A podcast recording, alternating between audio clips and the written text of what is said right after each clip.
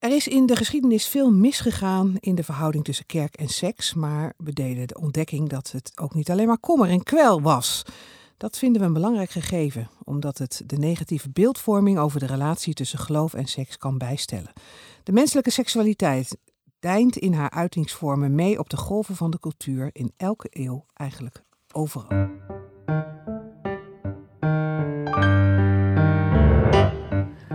Theologie-podcast gaat over wat vandaag speelt in kerk en theologie en wil delen, inspireren en verdiepen.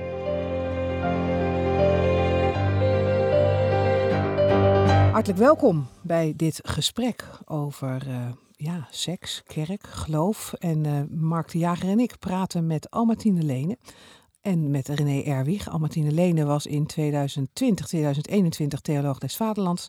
Ze is uh, predikant in de Gereformeerde Kerk vrijgemaakt en docent aan de VIA in Zwolle. René Erwig zit heel ver weg, want hij is hoogleraar praktische theologie aan de University of Divinity en principal van Whitley College. En die zitten beide, zijn beide gevestigd in Melbourne. Mark en ik, Elsbeth Gruteke, spreken met hen over het boek Vuur dat nooit dooft. Seksualiteit en theologie in gesprek. En dat komt binnenkort uit. Hartelijk welkom allebei. Ja, dank. Fijn dat we zo op deze afstand met elkaar kunnen praten. Nou, uh, verkeren jullie beiden ook in andere werelddelen. Almartine, je hebt lang in Zuid-Afrika gewoond. René, jij woont in Australië. Even kort als het gaat over seksualiteit en geloof. Zijn, zijn, de, zijn de ideeën daarover in die andere werelddelen heel anders dan in het westen van Europa? Wat, wat kunnen jullie daarover zeggen? Nou, ik denk dat dat, dat wel een beetje meevalt hoor. Um, ik vergelijk Australië altijd maar een beetje als een soort middencultuur. Uh, het zit zeg maar tussen de VS en Europa in. Ik denk dat het ook wel geldt voor, uh, voor opvattingen over uh, tal van onderwerpen, maar ook, ook zeker dit, deze, deze thematiek, die natuurlijk ook heel breed is. Uh, conservatieve, uh, laat maar zeggen, progressieve denkbeelden. Het is er allemaal. En in kerkelijke kring denk ik, ja, is het ook wel een aardige mix, als ik het goed zie. Ja, ja. en Albertine, als jij Zuid-Afrika en het westen van Europa vergelijkt? Wat Nou, is natuurlijk ook een tal van opvattingen. Uh, ook echt van uh, zeer conservatief tot uh, ook wat meer progressief. Maar ehm, ja, wat, wat daar denk ik nog meer centraal staat, is wel ook het seksuele geweld en uh, verkrachtingen enzovoort. Dus ook ja. echt die duistere uh, kant ervan. En het is wel iets minder progressief dan, uh, dan in Nederland, denk ik, over het algemeen. ja. ja. Toen ik voor het eerst de titel Vuur dat nooit meer dooft hoorde, dacht ik dat jullie een boek over de Heilige Geest hadden geschreven. ook, ook. ook. Het gaat zeker, ook over de Heilige Geest. zeker, maar het gaat over seksualiteit. Waar, waar gaat het over, dit boek? Want seksualiteit is natuurlijk heel breed. Wat, wat, wat, wat, wat is de inkadering? Oh ja, misschien wel even goed om dan uh, die titel nog wat, uh, wat uit te leggen. Vuur dat nooit dood. Dat komt uh, uit Hooglied. Het de erotische boek hè, bij uitstek in de Bijbel. En um, ja, dat, dat gaat eigenlijk over de liefde. En in dat kader staat seksualiteit ook als het als het goed is. En, uh, en ook uh, God, God wat ook wel gezien wordt als het vuur dat, uh, dat, dat niet te doven is. En de gedachte die wij hadden ook bij het schrijven van dit boek is dat, dat God alles te maken heeft met seksualiteit. Maar wat dan precies? Ja. En die vragen bespreken wij. Ja. En, en, ook dan seksualiteit in de breedste zin van het woord, waarin wij vanuit heel veel wetenschappelijke inzichten maar ook vanuit de geschiedenis en, uh, en zeker dus ook vanuit de Bijbel en theologie uh, daarop ingaan. Ja, en René, wat is de urgentie van jullie boek? Ja, ik denk, ik denk dat het toch echt te maken heeft, en dat, dat, dat dateert natuurlijk van een aantal jaren terug, toen we Albertine en ik in gesprek raakten over eigenlijk ook een beetje de, de pastorale praktijk waar we, waar we tegenaan liepen. Um, de, de, de taboeisering en ook de stigmatisering van mensen die um, nou ja, laat ik zeggen, anders geaard zijn dan, eh, dan uh, uh, heel veel hetero georiënteerde mensen um, zijn. En dat, en dat maakte wel dat ik dacht van ja, als je daar, en alle variaties daarin, hè, ik zal één voorbeeld geven. In mijn gemeente toen de tijd kwam ik zowel een echtpaar tegen die, die worstelde met een kind dat geboren was, een baby die eigenlijk geen fysiek geslacht had. Um, en een aantal jaren later kwam ik in aanraking met een een, eh, een, een, man die, die zich eigenlijk zo ongelooflijk ongelukkig in zijn eigen lijf voelt, omdat hij eigenlijk vrouw, uh, zich als, duidelijk als vrouw ervoer. En dat leverde ook kerkelijk zoveel, uh, beide situaties leverden eigenlijk zoveel spanning op, dat ik altijd wel gedacht heb van, hé, hey, op enig moment zou het toch aardig zijn als we daar wat mee als, ik, als we daar eens wat mee zouden kunnen doen. om, niet alleen in pastorale zin, dat, daar begint het natuurlijk heel vaak wel. Mhm. Maar ook in, in wat meer ja, reflectief-theologische zin. Dus, wat, wat, hè, dus het voorbeeld van het, het, het babytje dat met, met, geen, met geen mannelijk dan wel vrouwelijk geslachtsdeel wordt geboren. Eh, wat de ouders die kwamen duidelijk bij mij met de vraag van oké, okay, uh, ja, Psalm 139, u hebt mij wondermooi gemaakt, maar wat betekent dat nou eigenlijk in deze context? En hoe gaan wij daar als gelovige ouders dan mee om? Nou ja, dan zit je onmiddellijk in het vraagstuk eigenlijk. Um, de, de voorbeelden die je noemt, René, zijn best specifiek over gender, over homoseksualiteit. Kwamen jullie er gaandeweg het schrijven achter dat het beter was te verbreden naar seksualiteit als geheel? Of uh, was dat een bewuste keuze? Nou ja, het is altijd een beetje waar begin je. Maar um, ik, ik, denk wel dat we, dat we van het, het kleinere, zeg maar, van die situatie weer echt uitzoomden naar, uh, naar uh, de wat bredere uh, thematiek. En, en vandaar dat Albertine ook net begon met uh, die titel. Hè, in, in het besef dat, dat, dat spiritualiteit en seksualiteit, dat die niet los van elkaar verkrijgbaar zijn op, op, op enig moment. Dat je dat je dan toch uh, wat, dieper moet nadenken over wat die, die verbinding nu eigenlijk uh, betekent. Hè. In, spiritualiteit gaat het ook over verbinding. Uh, in seksualiteit gaat het ook over verbondenheid en verbinding. En ehm, ja, daar zitten duidelijke raakvlakken aan. En wij wilden toch wel, en dat zie je ook wel in een van de latere hoofdstukken terugkeren, we wilden toch wel graag die, die, die, die, die schakel ook wel echt goed maken, die, die verbinding zelf. In de, in, de, ja, in de manier waarop we nadenken over de, over de hele thematiek. Dus er zit inderdaad wel een soort verschuiving in van een, van een wat inzoomen op uh, nou ja, uh, situaties van mensen.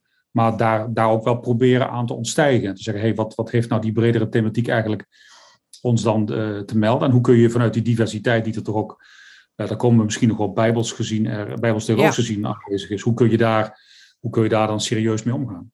Ja, want dat is wel heel interessant, vond ik. Uh, vaak wordt er gedacht uh, dat de Bijbel heel duidelijk is over seksualiteit. En dat er heel heldere kaders in de Bijbel naar voren komen. En uh, dat het enige wat wij hoeven te doen is ons daar helemaal aan houden. Nou blijkt dat niet echt te werken in de praktijk. Maar jullie schrijven nou juist, Almatine, dat dat helemaal niet zo is. Dat er niet een hele.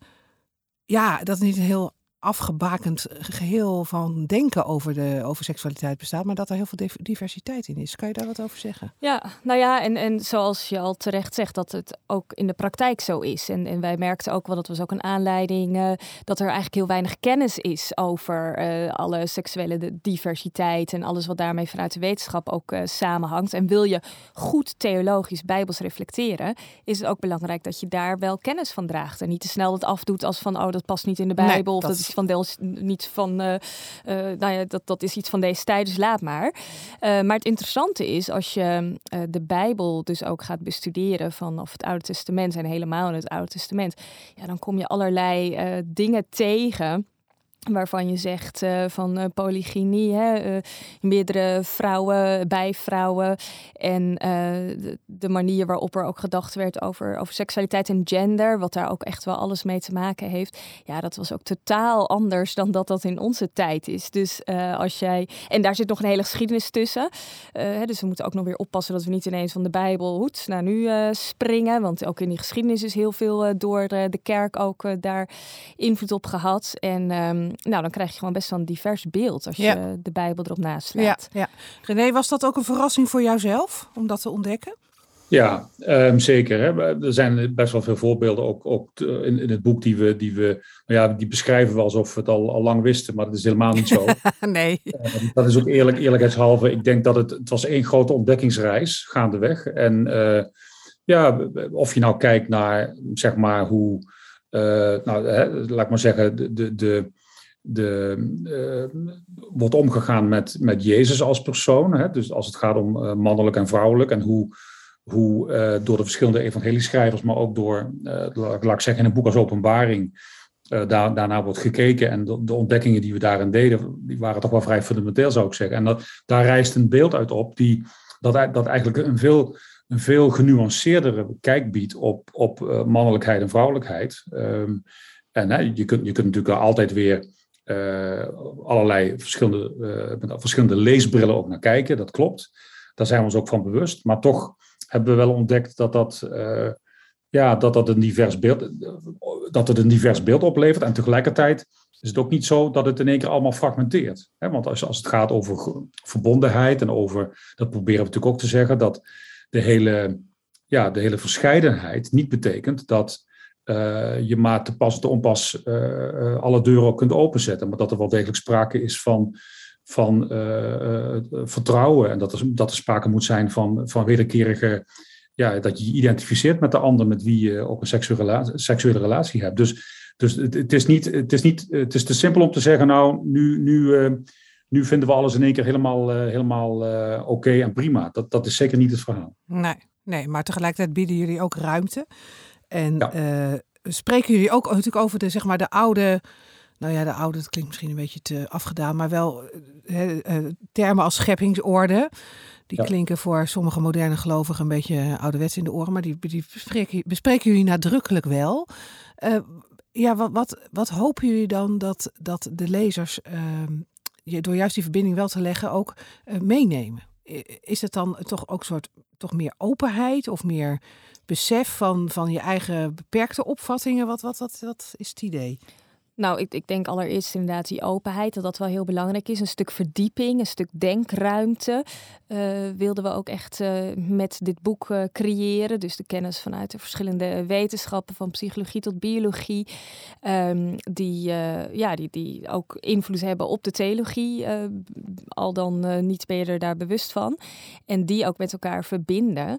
En um, ja, dat, dat, dat mensen toch uh, ook dingen gaan ontdekken en zien die ze misschien niet, uh, niet wisten. En ook dat het een heel complex thema is. Dat hm. het ook niet iets is waarvan je kunt zeggen, uh, zo zit het en daarmee is het gesprek ook klaar of zo. Dat, nee, het is, het is veel complexer dan dat. Het lijkt me ook wel weer ingewikkeld, want ik kan me ook voorstellen dat er ook best veel mensen zijn, zeker van een bepaalde generatie, maar ja, misschien ook wel jongeren, die juist op zoek zijn naar duidelijke kaders of zo. Hè? Van wat kan wel, wat kan niet, hoe verhoud ik me tot uh, ontwikkelingen in de, in de cultuur en in de, in de maatschappij. En, en zoals wat René net schetst over dat er wel naast de fragmentatie ook wel weer gedeelde waarden zijn, zoals trouw en liefde. Dat wordt wel heel breed. Tenminste, het loopt het risico dat het haast oppervlakkig wordt als je tot zulke grote uh, termen komt. Hebben jullie daar een antwoord op? Of zeg je van ja, die diversiteit die moet je gewoon omarmen en uh, het is nou eenmaal complex? Ja, volgens mij maak je het juist niet oppervlakkig mee. Want volgens mij zeg je dus eerst je, je verdiept je uh, erin. En dan kom je dus achter dat het complexer is uh, dan dat je misschien zou willen. Um, maar, maar van daaruit kun je dan opnieuw gaan zoeken naar wat, uh, wat zijn richtlijnen. En bijvoorbeeld ook de ontdekking dat eigenlijk dat er niet een paar teksten maar over seksualiteit in de Bijbel staan. Maar eigenlijk de hele Bijbel daar ook in een zekere manier over gaat. Hè? Dus dat, dat maakt het veel rijker. En, um, en, en dat wij mensen geneigd zijn om direct soort van richtlijnen te zoeken. Uh, ja, dat, dat kan wel eens in de weg staan voordat je echt die diepte en die rijkdom ook van de verbindenis tussen spiritualiteit uh, en, en seksualiteit kunt zien. Dus ik denk dat het eigenlijk eerder andersom is. En uh, wij hebben ook echt expliciet gezegd: we schrijven geen ethisch boek. Waar we ook met direct starten met van dit is het uitgangspunt, bijvoorbeeld het huwelijk. Want als je dat doet, ja, dan weet je eigenlijk al wat de antwoorden zijn. En uh, doe je toch ook onrecht aan heel veel mensen die niet in, het, in een huwelijk staan, of die uh, gescheiden zijn, of die homoseksueel zijn, enzovoorts. Dus um, ja, dat, daar willen we van proberen weg te blijven. En tegelijkertijd zijn die richtlijnen er wel degelijk. Dus ja. Ja, over die richtlijnen gaan we het zo nog wel even hebben, want daar zijn we natuurlijk toch wel benieuwd naar, toch, Mark? Um, maar we gaan eerst eens even naar onze boekenrubriek, de boekenrubriek met Andries Knevel.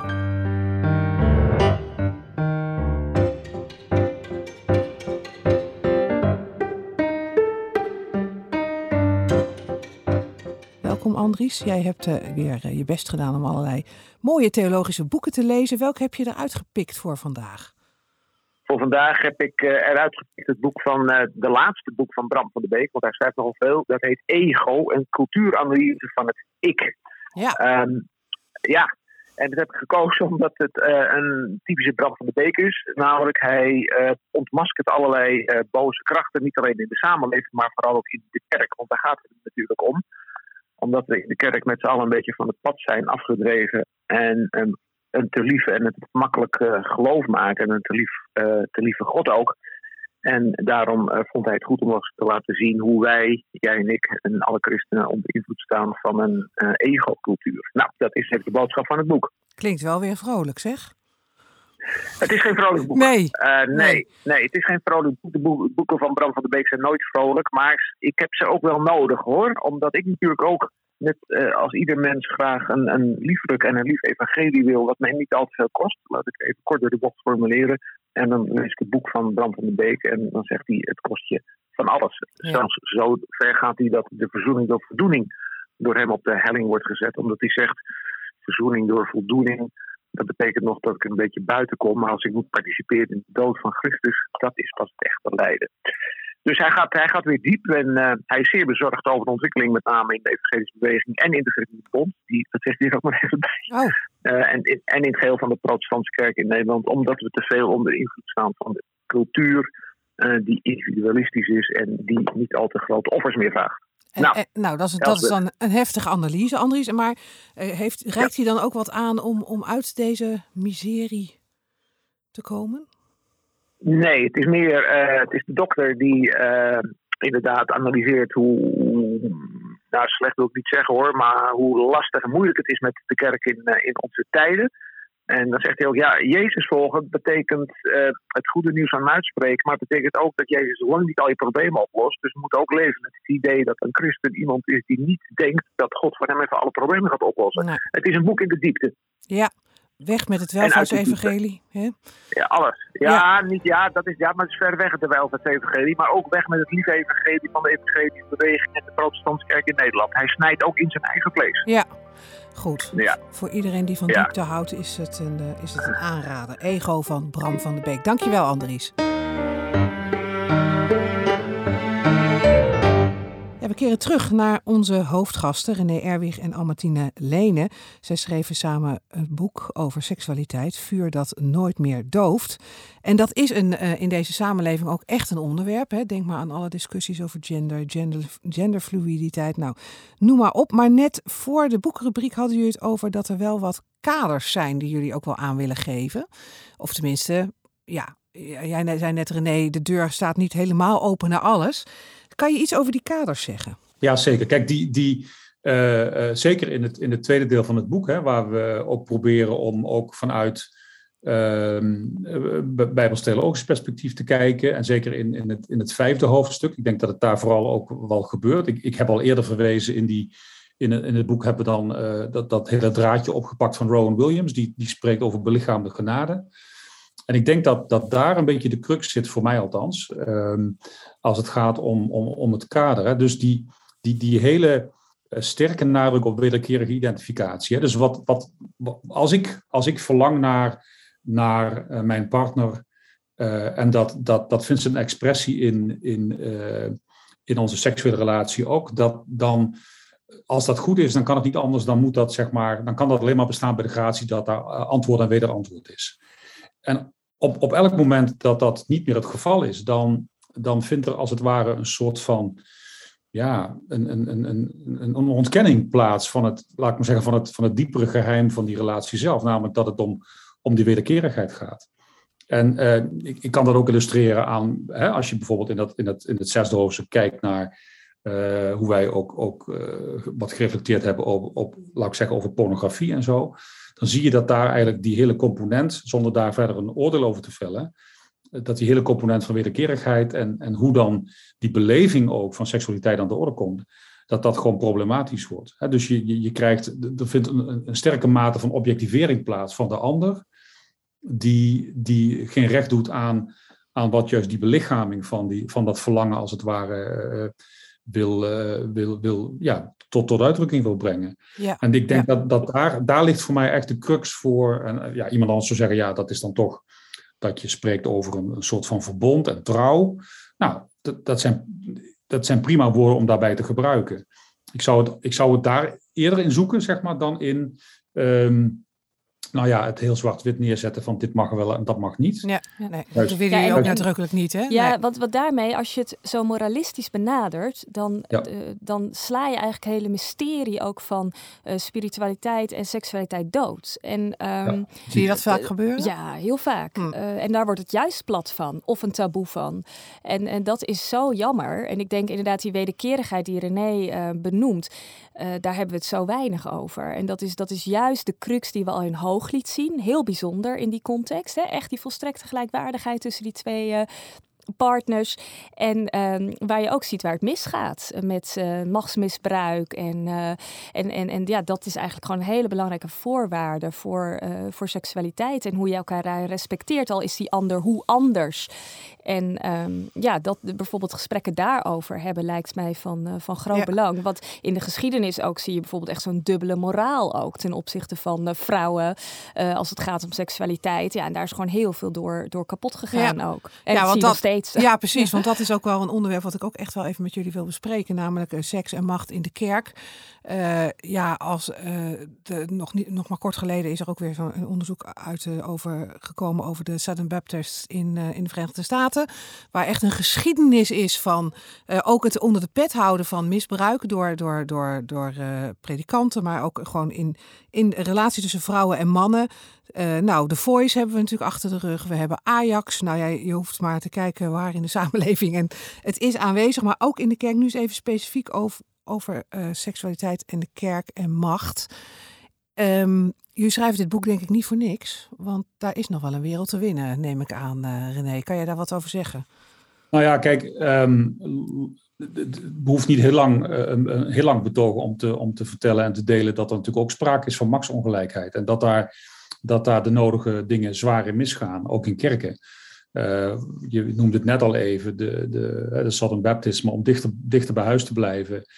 Uh, ook in Nederland zijn er natuurlijk uh, genoeg situaties waarin, waarin je ja, kunt zeggen, ja, laten we maar dicht bij huis blijven. Want ook, de, ook daar zijn situaties van misbruik. Ehm, elke, elke kerkelijke, in elke kerkelijke context is er wel eens wat te vertellen. dat is natuurlijk buitengewoon droevig. En het heeft ook wel te maken met met, uh, laat maar zeggen, machtssystemen van wel eer. Hè? Dus, dus hele patriarchale ingerichte samenlevingen. Uh, nou, daar, daar zijn ook wel voldoende voorbeelden van, waar het echt gewoon, laat ik maar zeggen, hardgillend de bocht uitliep. Um, maar tegelijkertijd, hè, ja, de, de, de, keuze is er zeg maar om te zeggen, oké, okay, door, door dit boek te schrijven willen we wel erg graag het gesprek zoeken over juist die machtsongelijkheid, die, die in, in ook heel gemakkelijk aan de orde kan komen. En ja, wat doe je daaraan? Nou ja, voorlichting, voorlichting, voorlichting. Maar ook het, het creëren van, nou ja, is betrokken bij Veilige Kerk, als ik het goed heb. Hè? Dus die, die hele, die hele uh, uh, bewustwording van uh, alles wat dan, de, de schaduwzijde van, van de menselijke seksualiteit, daar mag je niet voor weglopen en die, die moet je ook durven willen benoemen in, ja. de, in de gesprekken die je, die je met mensen daarover hebt. Uh, in kerkraden, in, in gesprekskringen. Uh, en ik weet zelf hoe, hoe lastig dat is om dat te doen. Maar dat ontslaat je niet van de plicht om, om, uh, om al, al, al lezend in de Bijbel, zeg maar, ook weer tot andere inzichten te, te komen. Ja, want Albertine, is het niet juist ook wel heel erg treurig dat juist de kerk met zo'n boek als de Bijbel, waarin de liefde ook zo en de seksualiteit zo prachtig wordt beschreven, nou ook bij uitstek vaak een heel onveilige plek is als het gaat over seksualiteit en over nou ja, misbruik, maar ook over veiligheid voor mensen die anders geaard zijn. Dat is toch eigenlijk wel een hele treurige constatering. Ja, zeker. En daarom is het des te meer zaak om hierover te praten en ons daarvoor in te zetten. Dat we inderdaad een veilige kerk uh, creëren. Maar ja, de kerk is daar natuurlijk ook geen uitzondering ten opzichte van, uh, van, nee, van, allerlei ook, andere... Het is ook weer niet erger in de kerk nee, dan in nee, de rest van de nou, wereld. maar misschien wel hoe hoger ja. je ideaal is, hoe meer pijn het doet als het, als het misgaat. Ja. Dus als, als seksualiteit zoiets bijzonders is ja. in bijbels perspectief, dan doet het juist extra pijn als het juist in de kerk waar dat veilig en goed zou moeten zijn, ja. als het misgaat. Maar, maar ik denk ook dat, en het, het is zeker iets, uh, iets bijzonders en uh, iets, mis, iets mysterieus ook daarin en iets heel hoogs. En tegelijkertijd als we ook daar in de verwachtingen dus uh, enorm hoog gespannen laten, alsof het dus alleen maar goed en mooi moet zijn, dan, ja, dan krijg je ook dat je zwaar teleurgesteld bent als dat niet zo is. Dus ik denk een stukje realisme, ook dus weer eens van die complexiteit ervan, dat dat ook in de kerk goed is. Ik lag gisteren, las ik in de krant nog iemand een ingesteld zei, ja, maar zolang seks binnen het huwelijk plaatsvindt, zeg maar, dan is het allemaal goed en perfect en mooi zoals God heeft bedoeld. Dus ik, nee, dat, dat is niet de realiteit. Dus daar mogen we ook wel wat meer realiteitszin, denk ik, in hm. hebben. Dus dat gaat een beetje tussen ideaal en werkelijkheid. Uh, en die we in de Bijbel ook gewoon terugzien. Dus die werkelijkheid van waar het allemaal misgaat, ja, dat is in de Bijbel ook heel duidelijk zichtbaar. Dus die twee uh, verhalen, die twee kanten. Um, die moeten we ook gewoon beide elke keer voor het voetlicht Ja, dus brengen. niet idealiseren en tegelijkertijd eh, ook niet de deur voor alles openzetten. Het is best een hele, het, is, het lijkt een beetje een soort balanceeract. Ja. Act, eh, act, eh. Ehm, Ja. In de kerk. Ik merk op, op dit moment in de, in de kerk, waar ik zelf een predikant ben en Mark ook trouwens in de PKN, eh, toch ook een heel erg zoeken naar hoe kunnen wij nou eh, onderwerpen die op dit moment heel erg spelen, als het gaat over genderfluiditeit, over, nou ja, met name dat. eh, hoe, hoe kunnen we daar nou, hoe kunnen we daar onze weg nou in vinden als, als kerk? Moeten we daar wat van vinden en hoe dan? En en hoe praten we daar dan over met elkaar? Wat, nou, ik neem, jullie reiken in jullie boek ook van alles aan om dat te doen. Daar, daar is het boek ook voor geschreven, denk ik. Om ons daar verder bij te helpen. Wat adviseren jullie? Hoe pak je dat aan, René? Nou ja, ik, ik, denk dat, dat eh, het, het begint toch wel met, met ehm, het gesprek eh, dat op verschillende niveaus zeg maar, moet, moet, moet plaatsvinden. En dat, dat geldt, ik denk allereerst in de, in de leiding van een kerk. Hè, dus in, in een kerkenraad bijvoorbeeld, of in een, in een bestuur, of hoe je het maar even noemt. Dat, dat, dat kan natuurlijk nog wel eens verschillen. Maar ik denk dat daar het gesprek begint over, eh, ook, ook een stukje kwetsbaarheid rondom, oké, wat zijn onze vragen die we hier te, hierover hebben? Uh, er, is, er is denk ik, en dat ontdek ik hier ook, er is heel veel, niet alleen maar onbegrip, maar ook heel veel onwetendheid. Gewoon dingen die mensen, feiten die mensen niet weten, uh, omdat ze zich er eigenlijk nooit in hebben verdiept of niet in hebben willen verdiepen. Dat is niet altijd met opzet. Dus gesprekken daarover, het, het, het, de bereidheid om dingen te lezen, om daar eens wat over te studeren. Hè, want ook, dat komt je allemaal niet aan waar, daar moet je wat voor doen. Ik denk dat dat is zeker een begin. En ik denk dat uh, ja, kerken, uh, gemeenten, groepen, christelijke groepen dan een, een, stukje verantwoordelijkheid hebben. Ik denk ook aan studentenverenigingen, waar uh, ik ook nog te vaak hoor dat, als ik wel eens word uitgenodigd, ook hier, dat, dat, dan, dan gaan er allerlei denkbeelden rond. Van ik denk, hoe kun je, hoe kun je dit nou nog verkopen aan je, aan je eerste en tweedejaars studenten die, die langskomen? Dat, dat, Zoals, dat waar, gewoon... denk je, waar denk je dan aan? Nou ja, dus, dus het, het, het, het, de totale onwetendheid rondom gender. Hè? Dus je, je, je, bijvoorbeeld, je denkt dan dat iedereen dat al weet. En dat iedereen, uh, laat ik maar zeggen, die dynamiek tussen nature en nurture, dat ze daar een beetje weet van hebben. Uh, ja, of het bestaan van interseksualiteit bijvoorbeeld. Dat is bijvoorbeeld, heel weinig ja. mensen. Hm. Ja, ja dat, dat, levert, dat, dat levert natuurlijk onmiddellijk... Uh, als je, dat, als je dat op een goede manier kunt verhelderen in een goede, in een goede context, levert dat on, on, onmiddellijk winst op en begrip. Ja. En, en ook dat wat, wat ik ook heel belangrijk vind, is om de laag dieper te gaan. Dus als we het hebben over dit soort onderwerpen, die, die ook in onze tijd dus heel uh, veelvuldig uh, aan de orde komen, dat we zoeken naar de, de theologische, spirituele kant daarvan. Ik weet in Zuid-Afrika ook nog een keer dat iemand ook in gesprekken over seksualiteit uh, zei, ja, maar het gezin is de hoeksteen van de samenleving. Hè? En, en zoals je ook wel in Nederland natuurlijk zou kunnen horen, of in Australië. En dat, dat um, ik toen bedacht, nee, dat, dat is het gezin niet, dat is Christus. Dat is wat er in de Bijbel staat. En ons geloof in God en onze identiteit in God. En dat wat uh, seksualiteit ons ook over God mag vertellen. Dus niet alleen dat wat God over seksualiteit vertelt en die regels en dingen zoals we die proberen op te leggen en uh, dat in te kaderen.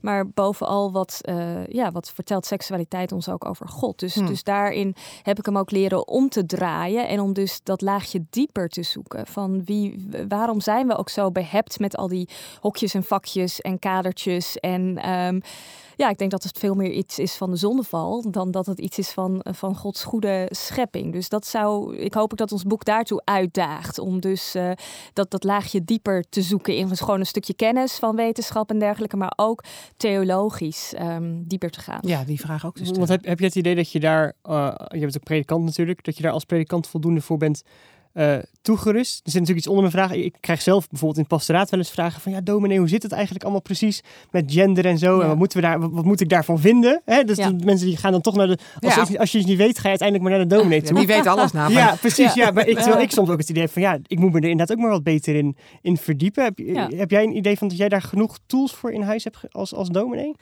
Ehm, niet, niet vanuit opleidingen zo meegekregen, zeker niet. Ik denk dat dat tegenwoordig wel iets aan het veranderen is, eh, heb ik het idee, maar nog steeds minimaal. Gewoon eh, als, je, als je kijkt hoeveel dit vraagstuk speelt bij mensen en in de samenleving, ja, dan, dan eh, denk ik dat het veel beter moet. En ook in toerustingen hierover. Maar in de kerk wordt eigenlijk gewoon echt nog minimaal eh, op een goede, constructieve manier, open manier hierover gesproken. Ja, als het erover gaat, gaat het vaak over de context net van wat mag. Of Ja. hoe werkt Ja. dat dan met Of zegen niet en zo. mag, vooral. Ja, terwijl juist inderdaad meer de Ja. theologische lading van wat betekent ja. het en wat zegt het over God. Dat, dat, Ja. dat Ja, die hele, die hele morele, ja, die hele morele dimensie, zeg maar, die, die, is wel, die is wel degelijk van belang. Maar die wordt natuurlijk heel snel dat- als startpunt genomen. Hè? En ik denk dat daar, daar, je zou andersom kunnen beginnen. Je kunt zeggen, oké, wat is er nu precies aan de hand? Wat zien we allemaal? En wat Ja. betekent dat dan? Ik denk in, in theologische opleidingen moet dat, moet, dat, moet dat ingebracht worden op een, op een veel natuurlijkere manier. Nou, dan ben ik nu ook wel heel benieuwd naar dat antwoord, Albertine. Wat zegt die seksualiteit en die diversiteit daarin ons over God? Over wie God is? Ja. Ja, nou ja, volgens mij vertelt. ehm, ik werk altijd een beetje met, met drie dingen daarin. Vertelt het iets over verlangen. Wij werken in ons boek daar ook heel sterk mee. Van eh, seksualiteit gaat over verlangen en, en ehm, eh, geloven ook. Verlangen naar hè, Mhm. het goede, naar God eh, ten diepste. En eh, ook een stuk verbondenheid, waarin je dan dus erkend eh, mag worden, gezien mag worden, aangeraakt mag worden.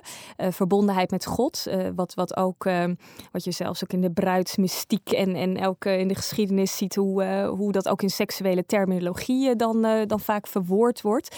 En ehm, als laatste zou ik ook het woord overgave willen gebruiken, wat ook juist heel sterk past bij seksualiteit, maar ook bij geloof. Eh, dat, dat seksuele overgave, het, het niet hoeven schamen, het naakt kunnen zijn, je overgeven ehm, aan, aan genot, dat dat ook iets, iets hemels is, iets goddelijks is. Eh, het, het genot om het genot en ehm, eh, ja, en wat, wat ook met geloven te maken heeft, Mhm. met God. Van Ja. waar en geloof is ten diepste, je overgeven, je leven in Gods handen leggen. Dus, dus daar zitten volgens mij ongelooflijk diepe parallellen in. En dan gaat het dus niet zozeer om uh, of jij dan man of vrouw bent of, of hoe je nee. je lichaam ook beleeft. Natuurlijk heeft dat er allemaal wel mee te maken. Maar die diepere laag daarin, ja, dat, dat vind ik fascinerend. Ja, en dat geeft ook een veel grotere vrijheid in feite. Zeker, ja, zeker. Ja, daar, en, en die vrijheid is de vrijheid binnen God. Hè? Dus dat is wel, daar ligt dan ook, denk ik, uh, als, het, als het toch mensen die zo zoeken naar grenzen en zo, dat, dat, uh, dat snap ik. En die zijn dus ook, maar die ligt dus binnen God, binnen het, het, het zijn in God en ja. God in ons. Ja. Ja. René, er komt ook een studiedag aan over dit onderwerp. Ja. Ik kan me voorstellen ja. dat de inschrijvingen al uh, de toren hoog oplopen. Of, uh, maar wat gaan jullie doen op die dag? Nou, we hebben een, uh, naast onze, onze eigen korte inleidingen, gewoon, laat ik maar zeggen, waarin we gewoon iets kort vertellen over wat we gedaan hebben en wat, we, wat voor ons de, hè, wat we nu ook wel een beetje besproken hebben, wat is nou de meerwaarde van wat we ontdekt hebben, uh, wat doe je daarmee. Daarnaast hebben we een aantal uh, sprekers uitgenodigd om te reageren op, op het boek en op, op, uiteraard op de inhoud daarvan. En daarin gaan we, ja, willen we aan de ene kant, hè, dus het is heel goed om aan die theologische component, zoals Albertine net al zei, om daar goed aandacht aan te, aan te, schenken. Want dat is nogal een uh, vaak onderbelicht uh, thema en ook benadering. Maar daarnaast willen we ook ruimte geven aan wat meer de relationele kant. Dus, dus we hebben iemand ook uitgenodigd om met, een beetje met ons na te, na te denken en te reflecteren op op oké, wat betekent het nu voor relaties dat je hè, dit, dit, dit zo uh, allemaal hebt geschreven. Maak het ook weer eens concreet, want dat is natuurlijk ook altijd wel een beetje de uitdaging. En we hebben ook iemand uitgenodigd die, uh, die zelf, uh, iemand die transgender is en die zichzelf zo beleeft en daar ook, ook vanuit de eigen ervaring, zeg maar, op, op, op onze publicatie, ons boek wil reageren. Ja, nou, heel interessant allemaal. En uh, voor iedereen die geluisterd heeft, uh, lees vooral dat boek, want dat gaat nog veel dieper. Het gaat heel diep. Ja. Dan uh, wij hier hebben kunnen bespreken met elkaar. Heel veel dank aan jullie, René Erwig vanuit Australië. En dat ging allemaal ook goed qua techniek, dus daar zijn we helemaal blij mee. Dank je wel daarvoor. En uh, Amantine Lene, jij ook veel dank. En, ja, graag gedaan. Nou ja, en ook dank natuurlijk aan mijn uh, mede-presentator Mark de Jager. En uh, als u als luisteraar nou denkt, ja, theologie, super interessant. Nou, dan heb ik goed nieuws voor u. Want deze podcast die is onderdeel van het platform theologie.nl. En daarop staan blogs, daar staan op recensies, daar staan artikelen op. En uh, u kunt uh, profiteren van een mooi aanbod. Lees alles op theologie.nl één maand gratis. Ga naar de site, kies lid worden en gebruik dan de code podcast tijdens uw bestelling. En uh, tot ziens dan weer ook op theologie.nl. En ook bij deze podcast graag tot de volgende keer.